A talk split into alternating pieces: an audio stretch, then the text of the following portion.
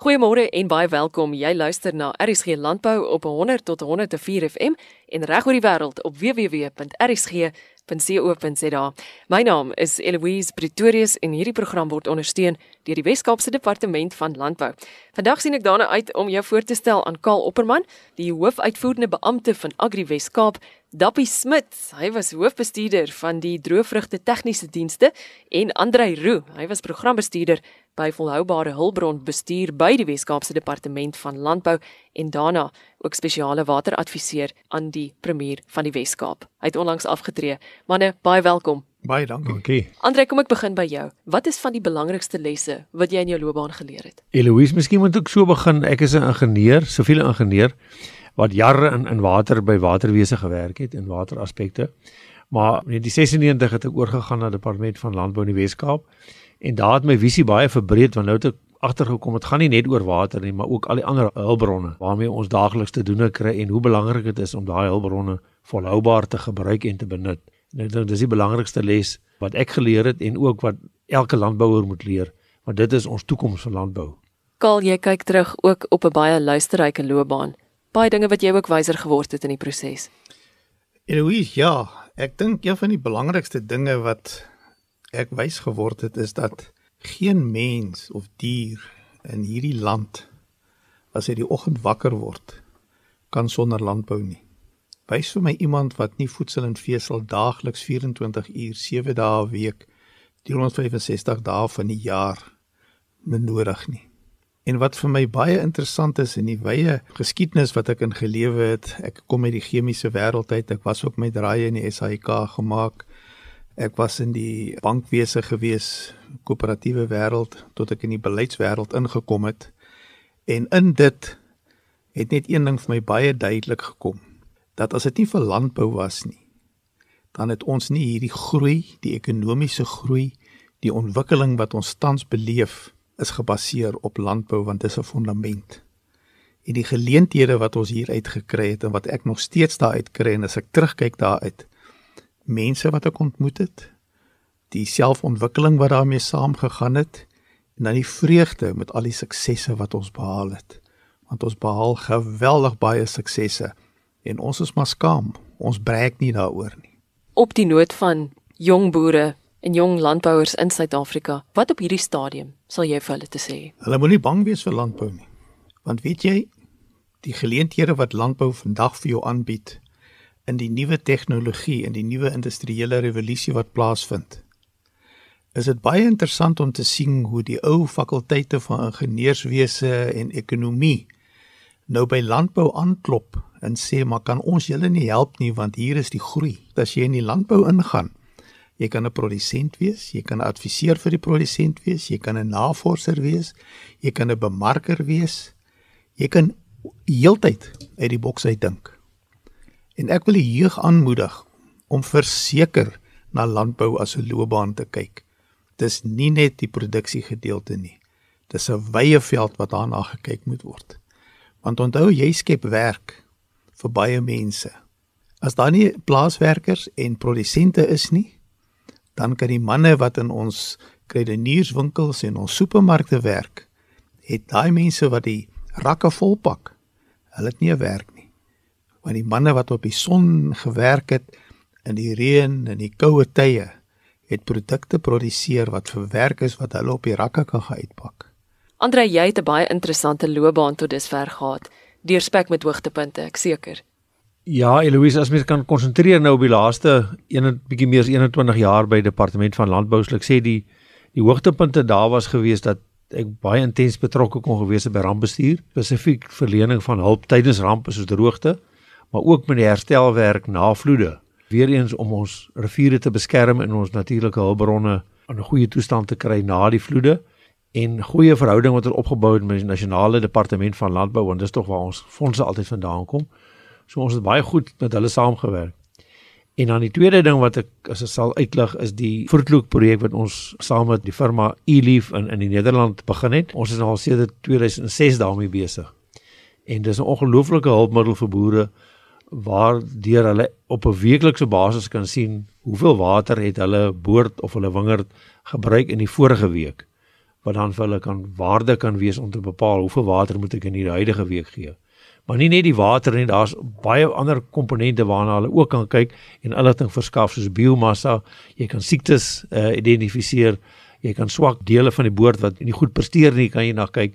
So dis 'n ongelooflike hulpmiddel wat beskikbaar is. Gaan kyk na www.vertoek.co.za en jy kan al daai inligting gratis bekom op 'n weeklikse basis. Dappies, waarom sou jy sê kan mense in Suid-Afrika positief wees oor die landbousektor? Wel, ek dink die landbouers is ongelooflik aanpasbaar en dit is so noodsaaklik om die nuwe tegnologie veral in die landbou in te trek en te gebruik soos wat Andre nou uitgelig het. Jy het eintlik redelik min goed nodig om suksesvol te wees, veral in boerdery. Jy het kennis nodig. En dis maar net om te weet. Al weet jy net waar om die kennis te gaan soek en te gaan haal. Jy het 'n vermoë nodig, 'n vermoë om te kan. En ons boere kan. Hulle kan almal. En dan jy houding nodig. En houding, jy moet lus wees om dit te wil doen. Eloise 1999 toe ek in hierdie pos gekom het, het ons 'n baie dinamiese streeksbestuursgelid gehad, Elsa Jordaan. En sy het in my kantoor kom sit. Ek was skaars daar gewees toe sê sy vir my ons grootste bate in die landbou is ons mense. Ons grootste bate is ons plaaswerkers en hulle gesinne. Wat gaan ons doen? So by 2002 toe begin ons die plaaswerkers kompetisie.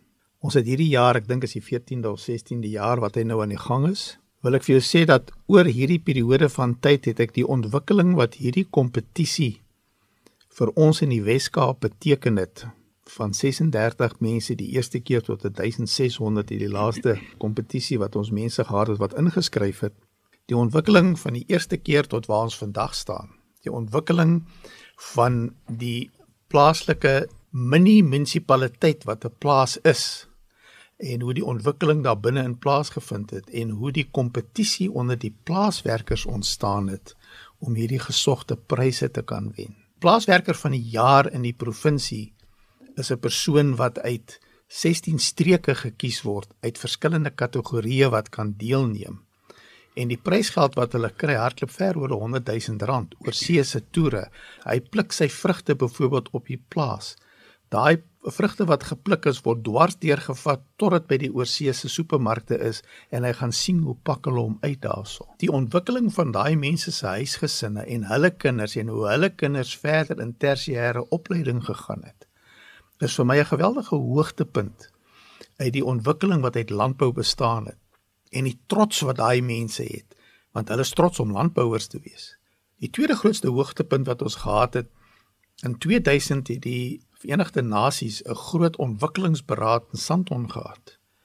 En daar moes uit daaruit binne 5 jaar moes elke land sy eie plan vir ontwikkeling, groei, sosiaal, maatskaplik, ekonomie alles op die tafel gesit het. Saam met die departement landbou in die Wes-Kaap en Agri Wes-Kaap het ons gekom en ons was die eerste provinsie in die wêreld wat 'n dokument op die tafel gesit het wat in detail alles uitgespel het van A tot Z hoe ons ontwikkeling in hierdie provinsie gaan verder vat om aan daai millennium doelwitte te kan voldoen. Die geleenthede is legio, die ontwikkeling is legio wat hierin is. En landbou was nog altyd aan die voorpunt daarvan en hulle was die fakkeldraers wat daarna, soos hulle sê, ander afdelings, ander industrieë aangehak het en die ontwikkeling daarmee gedoen het. So ons het 'n hele paar suksesverhale as 'n kollektief met mekaar gedoen. Andre hulle van die departement se kant, Dappie hulle van die droëvrugte se kant af. Ons is altyd as 'n span gewees. Ons het nie in silo's gewerk nie. Maar ons plaaswerkers is deel van ons span en hulle sit saam met ons om die tafel. Eloise, ek dink ek wil aansluit by wat Kaal van tevore gesê het.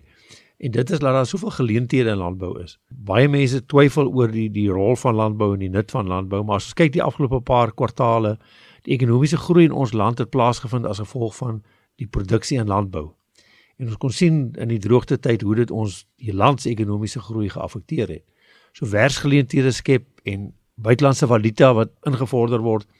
En daar is soveel geleenthede vir jong mense. Weet ons sit met 'n ouer wordende landbougemeenskap en daar's baie geleenthede vir jong mense om in te kom. Ons het so 'n paar jaar terug by Elsenburg om die tafel gesit en het, as ek reg onthou, het ons by iets so meer as 70 verskillende beroepsvertakkings gekom wat betrokke is in landbou. So dit gaan nie net daaroor dat dis 'n man wat met kakie klere dra en met 'n bakkie ry nie. Enige jong man of 'n jong meisie wat belangstel in basies enige uh, studieveld, is daar geleentheid in landbou. En ek dink dis die boodskap wat ons moet uitdra. Ons moet positief wees daaroor. Daar's baie geleentheid vir hulle. Hulle hoef nie 'n plaas eienaar te wees nie. Hulle kan nog altyd betrokke raak deur navorsing en voorligting en daai tipe van werk.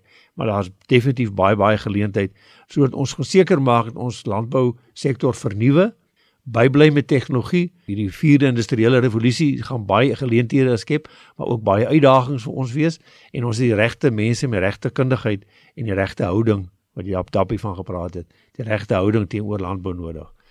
Ons besef landbou is die al die, die bekende gesegde landbou is nie vir sissies nie.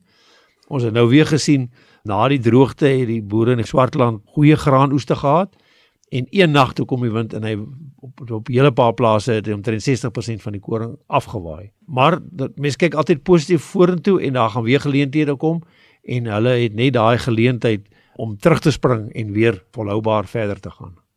Wel mens kyk terug en dan vra jy wat het jy geleer? Ek het geleer dat 'n goeie boer is gewoonlik 'n baie goeie waarnemer. Jy gaan hom ook nie sommer net oortuig deur 'n paar feite en stellings nie. Jy moet weet wat jy doen. Andre het verwys na die droogte. Ek het die werklikheid gesien van die gesegde dat 'n boer maak 'n plan. Want ons boere het in hierdie droogte planne gemaak wat ons nog nooit tevore aangedink het nie. Planne wat ons in die droogte in party streke rekordoeste gehad het van uitstekende gehalte. Ons planne moet net nie opraak nie.